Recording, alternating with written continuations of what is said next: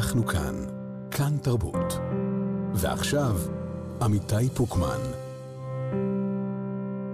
הנשיא ביידן תכף יעשה את דרכו למטוסו, איירפורסט 1, ממדינת ישראל החוצה, ואנחנו יודעים שהוא כמובן יאזין לכאן תרבות, ולכן את הדקות הקרובות נקדיש אה, אה, בכלל, לא רק לנשיא ג'ו ביידן, אלא בכלל למערכת היחסים שלנו עם ארצות הברית. יחסים שמסתמן בימים האחרונים הרבה מעבר לברית אסטרטגית. נגיד שלום לדוקטור יואב פרומר, ראש המרכז לחקר ארצות הברית באוניברסיטת תל אביב. שלום לך. שלום רב. אני לא יכול שלא להסתכל על התמונות שיוצאות, לא רק היום, בכלל, בכל השבוע האחרון, ולשאול את עצמי, אה, הרי אמרו לנו בשנים האחרונות, אה, מערכת היחסים של ישראל-ארצות הברית נפגעה, זה כבר לא מה שהיה פעם, זה נראה חזק יותר מאי פעם. אה, נכון. אז קודם כל, היו מי שפגעו, לא, אפשר אפשר אה, להתעלם מזה, ואני חושב שהם צריכים להכות מחטא. נכון, כל חברי הממשלה הזאת שאמרו לביידן, בד uh, אאוט, נכון, אל תתעסק במה שלא קשור אליך, שהוא העלה את הביקורת סביב ההפיכה המשפטית. אז כמובן, עכשיו אנחנו רואים אבל באמת מהי ידידות. Mm-hmm. ואני חושב שקודם כל מי שאמר את הדברים האלה צריך לעשות חשבון נפש, אבל בלי קשר, אנחנו רואים כמה חשוב הערכים המשותפים. ביידן חוזר על זה בכל נאום, גם היום הוא אמר את זה במסיבת עיתונאים עם ראש הממשלה, גם בנאום ההיסטורי שהוא אמר לפני כמה ימים, הערכים האלו, בין הערכים האלו, השותפות גורל הדמוקרטית הליברלית, הוא חזר על זה. אה, הדברים האלו הם לא טריוויאליים, mm-hmm. זה מה שמאפשר לביידן, לא רק ברמה הערכית, גם ברמה הפוליטית, לגייס את התמיכה של הקונגרס, של הציבור האמריקאי, שהוא תומך ברובו האדיר בישראל, כי הוא ממשיך להאמין שבישראל משתקפת אותה אמונה, אותה מערכת ערכים דמוקרטית וליברלית. אבל זה, זה לא ברור מאליו, דוקטור פרומר, ש, שזו מערכת היחסים שיש לנו כיום, כי אם חוזרים להתחלה, להתחלה, להתחלה, מדינת ישראל הרי עמדה בצומת, ו... בוא נגיד ככה, ברירת המחדל הטבעית יותר, עם האופי שהיה בק... ב... ב... ב... ביישוב העברי ב... ב... בקום המדינה, הייתה דווקא להתחבר לברית המועצות של אז. איך זה קרה שבכל זאת התחברנו לארצות הברית וקשרנו את עצמנו לאותה מערכת יחסים ארוכת טווח איתם? אז הנה, אם בואו בקצרה מאוד, כי כמובן יש פה היסטוריה מאוד עשירה. אה, קודם כל, היה אולי שנה באמת שזה מבחינה אסטרטגית, מבחינת ישראל ב-48-49, בן גוריון באמת נקט באיזושהי עמדה שצריך תמיכה של המעצמות. הוא הצליח בערך שנה, שנתיים לשמר על איזושהי תמיכה גם מהסובייטים, שכמובן ראו בישראל איזשהו, גם כמובן בגלל האופי הסוציאליסטי. זהו, הערכים המשותפים אז היו דווקא יותר איתם. אה, כן ולא, כי צריך לזכור, ברית המועצות זה לא סוציאליזם, כבר אנחנו נכון. באנו מרקע סוציאל דמוקרטי, מגילת עצמאות, חשיבות הפרט, אה, מה שנכון עם סטלין ובעצם ברית המועצות זה לא זה, זה סילוף מוחלט של נכון, זה, נכון. כבר אז זה היה, אז, אז באמת זה היה מאוד על הנייר הקשר הזה.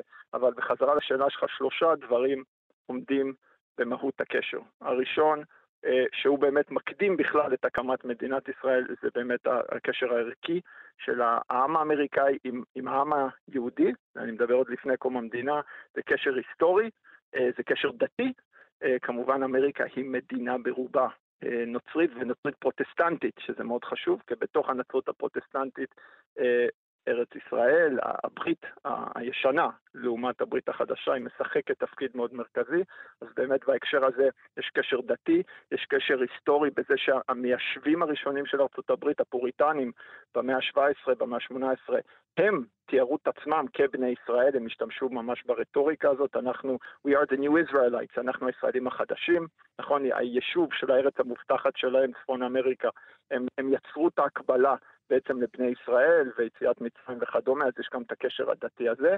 אה, אז יש את הקשר הערכי, ההיסטורי, הדתי, אה, ואז מקום המדינה בעצם נכנס, נכנסת לתמונה גם הגישה האסטרטגית. נכון שהיא אולי הכי חשובה, ואני יכול גם לדבר על זה עוד, עוד משהו, כי בעצם זה, זה הדבר שהכי מדאיג אותי עכשיו, אבל יש את הקשר האסטרטגי, שזה אומר ככל שישראל מתחזקת, במיוחד בשנות ה-50 וה-60, נכון, אחרי מבצע קדש, אה, בשנות ה-60 כמובן, מלחמת ששת הימים, אבל לא רק, אה, היכולת של ישראל לסייע לארצות הברית בלהרתיע את סוריה בספטמבר השחור, אה, זה, זה, זה רגע מאוד חשוב גם כן. אז בעצם ישראל, ככל שהיא מוכיחה את עצמה כשחקן אסטרטגי עוצמתי, שיכול לסייע לארצות הברית להכיל את הסובייטים במלחמה הקרה, בנות הברית שלה, מצרים וסוריה ועיראק אה, במלחמה הקרה, זה מאוד מקרב את ישראל לארצות הברית, כי האמריקאים פתאום רואים שהנה, יש לנו פה בת ברית שהיא חזקה מאוד, היא משתמשת בנשק מערבי, קודם זה היה צרפתי, אה, באמצע שנות ה-60 זה עבר באמת להיות אמריקאי, אה, והיא מסייעת לנו בעצם באסטרטגיה הגלובלית שלנו, שזה להכיל את הסובייטים במזרח התיכון. אז זה שני עוגנים מאוד חשובים, האסטרטגי, הערכי, ולזה חייבים להוסיף כאן את הפוליטיקה הפנים-אמריקאית, ששם כמובן יש לובי פרו-ישראל מאוד חזק. בשתי המפלגות. אה, כן, כמובן בשתי המפלגות, זה לא היה ככה תמיד, צריך לזכור דווקא מפלגה רפובליקנית, שהיום אנחנו נוהגים אולי לייחס לה איזושהי אה, העדפה יתר לישראל, וגם אני כבר לא בטוח אחרי מה שטראמפ אמר בשבועות האחרונים על ישראל ועל ביבי, אבל אה, בהחלט בשתי המפלגות, במיוחד מאז שנות ה-70, יש קונסנזוס מוחלט, אה, וגם פה התפקיד של פוליטיקה פנימית אה, בדמוקרטיה האמריקאית משחק תפקיד מאוד חשוב ליכולת של ארה"ב לתמוך בישראל. עד כמה מערכת היחסים הזו בשבועיים האחרונים בעיקר, משאירה את ישראל כ, אה, כשותפה, או שבעצם אנחנו כבר כמעט כוכב על הדגל? אתה מעלה פה שאלה מאוד חשובה, ופה אני, אני אחזור משהו שכן מדאיג אותי. אה, כהיסטוריון, הקשר הישראלי בראש ובראשונה עם ארצות הברית תלוי בזה שאנחנו נכס אסטרטגי. כלומר, אנחנו יכולים לסייע להם לעשות מה שהם צריכים במזרח התיכון, בין אם זה להכיל את הרוסים, להכיל את האיראנים, להכיל את דאעש, את, את אל-קאעידה אחרי החצות ספטמבר.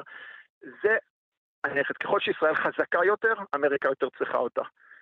מה שמדאיג אותי במה שקורה עכשיו, זה שיש איזשהו קו שמפריד בין להיות שותפה אסטרטגית לבין להיות תלות. וזה זה פה אנחנו נמצאים באיזושהי פרשת דרכים שאני דואג ממנה, בגלל, הברית יש הרבה מדינות שתלויות בה. טיוואן, דרום קוריאה, יפן, רוב מדינות נאט"ו, נכון? הן לא בנות ברית שוות כמו שישראל. Mm-hmm. תמיד הייתה. אה, ופה יש איזושהי סכנה בעיניי, שאם אנחנו הופכים לאיזשהו נטל, למישהו שצריך להציל, לעומת מישהו שמשרת את האינטרסים שלנו, שאנחנו נותנים לו נשק מתקדם, אבל שהוא יודע להשתמש בנשק המתקדם הזה בכוחות עצמו ולנצח. אה, יש פה איזה גבול ש- שאני קצת חושש ואני מאוד מקווה ש- שישראל לא תחצה אותו בשבועות האלו. במה זה תלוי? אה, זה תלוי ביכולת של ישראל, אה, אני חושב, להשיג הישגים אסטרטגיים משמעותיים, להחזיר משהו מההרתעה שלה, שאין מה לעשות, ההרתעה נפגעה באופן אה, מאוד מאוד קשה. אני לא אגיד, אני, לא, אני לא אגיד שאי אפשר לתקן את זה, אבל צריך לתקן את זה, כי שוב, לא רק כמובן יש את ההרתעה האזורית, שעליה דובר רבות מול, מול השכנות שלנו, אבל, אבל בסוף האמריקאים חייבים לראות ש... איך, איך אומרים? שיש תשואה להשקעה שלהם. שהנשק המתקדם ועד 35, וצריך לזכור, ה-38 מיליארד דולר בעשור, נכון? זה, זה בעצם 3.8 מיליארד דולר שישראל מקבלת מארצות הברית מדי שנה בסיוע צבאי, שהוא הולך לבנות אה, מדינה עצמאית שיכולה להגן על עצמה, ושהיא לא צריכה סיוע אמריקאי. ואני רוצה, ומה זה אני רוצה? אני חושב שאנחנו חושבים מבחינה אסטרטגית, נורא נורא חשוב שהמצב פה, ואני לא יודע איך הוא ייגמר, מסתיים בזה שהאמריקאים ממשיכים להאמין בזה, שישראל היא ווינרית, ושאפשר לתת לה את הציוד שהיא צריכה, אבל שהיא מסוגלת בכוחות עצמה להיות בעצם ה... סליחה, החזית האמריקאית, העוגן האמריקאית, מה שפעם היו קוראים לה הנושאת מטוסים האמריקאית, במזרח התיכון, אה. וחשוב שישראל תשמור על הדימוי הזה. תראה, אנחנו מנסים לנתח את הדברים האלה מפרספקטיבה היסטורית בעזרתך, דוקטור פרומר, אבל הכניסה של אה, קודם כל שר החוץ בלינקין ואחר כך אה, הנשיא ג'ו ביידן לתוך חמ"ל המלחמה, לתוך ממש הקבינט שמנהל את העסק הזה, זה לא עדכון, זה כבר ממש אה, פתיחת המפות או, או אחי... נכון. יש לזה בכלל תקדים? לא. לא, ברמה כזאת. כלומר, תראה, אנחנו לא יודעים מה בעצם נאמר שם, וזה, אני לא חושב, זה לא שבלינקן או, או ביידן מתחילים פה להזיז את אוגדה 91 הרי, או את, אוגדה, את האוגדות בדרום, אבל אה, מצד אחד, אני חושב שזה מראה לנו על שותפות הגורל, זה גם מראה לנו על, על, על העובדה שהם רוצים להיות מעורים בפרטים, על כמה שחשוב להם בעצם לוודא שישראל גם מנצחת, אה, אבל גם היא עושה את זה בצורה, נכון, שהיא לא תפגע בעצם בדימוי גם של ישראל וגם של ארה"ב בעולם הערבי. כלומר, העניין ההומניטרי שביידן חוזר עליו כל הזמן, אני חושב שזה חלק ממה שקורה פה. אז בטווח זמן המיידי זה באמת נראה ש, ש, שהם מעורבים, הם ביחד איתנו כתף אל מול כתף, הם שלחו את הנוסעות מטוסים הרי, אה, והם גם הזהירו את איראן ואת חיזבאללה באופן חד משמעי, הרי שהם התערבו. אה, וזה מאוד מאוד חשוב מבחינת הרתעה. אה, אבל מצד שני, אני מסכים איתך, כלומר, פה יש לי משהו שכהיסטוריון של היחסים האלו, הוא, הוא קצת מדאיג אותי. כי אני לא רוצה שהאמריקאים, שיגיע למצב שפתאום זה נראה בעיני האמריקאים שהם צריכים לנהל את המלחמה, או לקחת מאיתנו את, ה, את השליטה פה, כי, כי, כי אז זה אומר שמשהו מאוד, משהו נשבר בעצם בדימוי שלנו בעיניהם, וזה עלול מבחינה אסטרטגית להשפיע עלינו בעתיד הרחוק. אני רוצה לשאול אותך, במקביל, ואולי תכף נחזור שוב לדבר על ההיבטים הפוליטיים-מדיניים, אבל הברית היא לא רק אה, צבא, יש המון המון המון משקל לתרבות ולתרבות הפופולרית, ו, ולדעת הקהל שם. עד כמה ה... אנחנו רואים את ההפגנות, וגם את ההפגנות, לצד ההפגנות התמיכה בישראל, גם את ההפגנות הפרו-פלסטיניות, ו... ואפילו קריאות אה, אה, עידוד לחמאס, שזה בלתי נתפס. עד כמה זה מושתק, מקבל הדהוד בתקשורת, עד כמה בכלל מתייחסים לזה בממשל האמריקאי? אז, אז אני שמח מאוד שהעלית את השאלה של תרבות, ובמיוחד תרבות פופולרית. אחת מהסיבות שיש תמיכה אדירה בארצות הברית לישראל היא בגלל התרבות הפופולרית. אה, ולא אפשר, וזה משהו שהולך אחורה הרבה מאוד שנים, אני רק אתן כמה דוגמאות, הרי אנחנו כולנו זוכרים את הסרט אקסודוס, נכון? מפול ניומן, mm-hmm. כמובן. מה שהסרט הזה, והוליווד בכלל, אה, וראה הרבה מחקר יצא בשנים האחרונות, שהרבה חוקרים מאוד אה, מצליחים ישראלים, באמת ששפכו אור על זה, הוליווד הטלוויזיה האמריקאית, אנשים כמו ג'וני קאש, נכון? הזמר ג'וני קאש היה בארץ וחיבר אלבום שמבוסס בעצם על, על, על הנסיעה שלו בישראל. כלומר, הם סייעו ליצור דעת קהל אוהדת, זה לא משהו שנולד יש מאין, זה נולד בגלל שהתרבות הפופולרית, הוליווד, הטלוויזיה, שחקנים כמו פול ניומן, הרבה אוונגליסטים, הרבה זמרים, אה, ג'וני קאש, פאט בון, הם יצרו איזושהי אמונה, איזושהי דימוי של ישראל בציבור האמריקאי. אה, עכשיו, זה דברים שקורים בשנות ה-50, מה-60, מה-70. האם היום זה מתחיל להתהפך? אה, אני, אני, אני חושש שכן, אם מסתכלים בנטפליקס... חושש שכן, זאת אומרת שיש שכן. מספיק אה, אה, דעת קהל שמה, שמזהה באמת בחמאס... אה, ש... אה, אתה יודע מה, אני אגיד את זה אחרת. שהיוצרות התהפכו, בעצם אנחנו כבר גוליית ולא דוד? כן, ולכן הם אנחנו... נמשכים אליהם? כן, אני, לצערי, הדימוי של ישראל כדוד הלך ונשחק. אנחנו בנינו אותו בשנות ה-50, ה-60, ה-70, הוא נשחק אולי באופן אה, בלתי נמנע, אבל מה שאנחנו רואים, אני חושב, בעשור, בשני העשורים האחרונים, זה איזושהי התהפכות, אני לא אגיד מוחלטת, אבל העובדה היא שבתרבות הפופולרית, ותראו נטפליקס לצורך העניין, תראו כל מיני משפיענים ומשפיעניות, הרי זה היום השיח, נכון? Mm-hmm. ברשתות החברתיות, הם הרבה יותר אה, עוינים את ישראל, יש פה גם עניין בין-דורי. נכון, דמוגרפיה, שינויים הדמוגרפיים בארצות הברית, הרבה יותר אמריקאים, הם, הם מגיעים מרקע, אה, בין אם זה אפרו-אמריקאי, בין אם זה מוס, אה, דרום-מזרח אסיה, הרבה מאוד מוסלמים, אה, הרבה מאוד היספנים. כלומר, אז, אז גם העניין האוונגליסטי הזה הוא הרבה יותר חלש, יש הרבה פחות אוונגליסטים היום בארצות הברית. הדורות היותר צעירים, הם, הם באים מרקע שהוא, כן, הוא הרבה יותר עוין מישראל. לצד זה יש תרבות פופולרית שונה מאוד.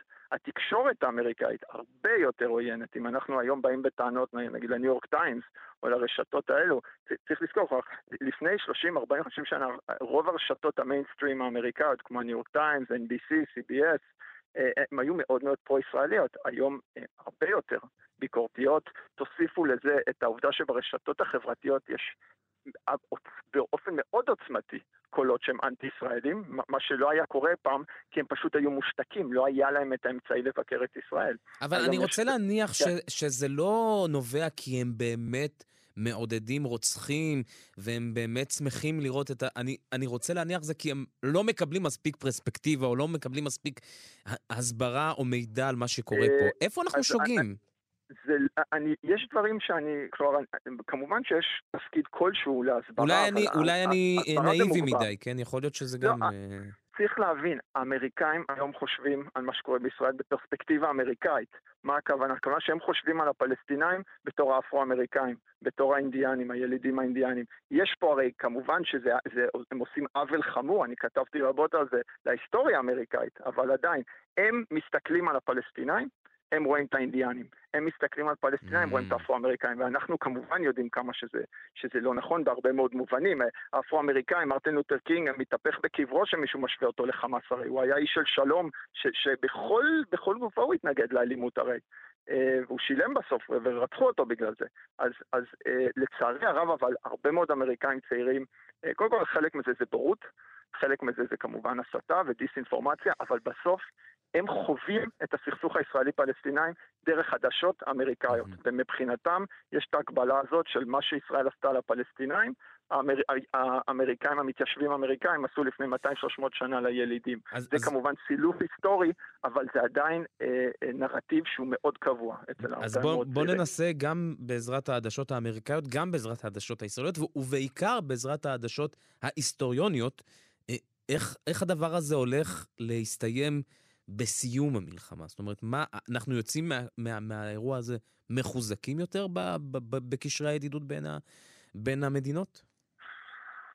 כהיסטוריון קשה להסתכל קדימה, כי אני מסתכל לאחור תמיד, אבל אה, אני, אני לא חושב, כלומר, האנשים שתומכים בישראל עכשיו הם כמובן אה, ימשיכו לתמוך, אה, ואנשים שלא תומכים בישראל, שזה בעיקר הצעירים באוניברסיטאות, אנשים, בין אם זה אפרו-אמריקאים, היספנים, הם, הם זה רק תחמיר כמובן, mm-hmm. כי הם רואים את מה שקורה, הם מפרשים את זה כ...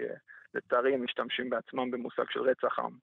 אה, ו, ובסוף, ברגע שכזה דבר קורה, הקצוות רק מתרחקות.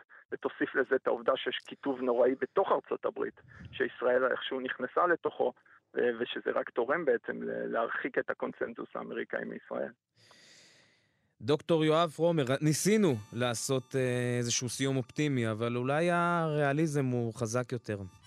כנראה. תודה רבה. תודה רבה לך.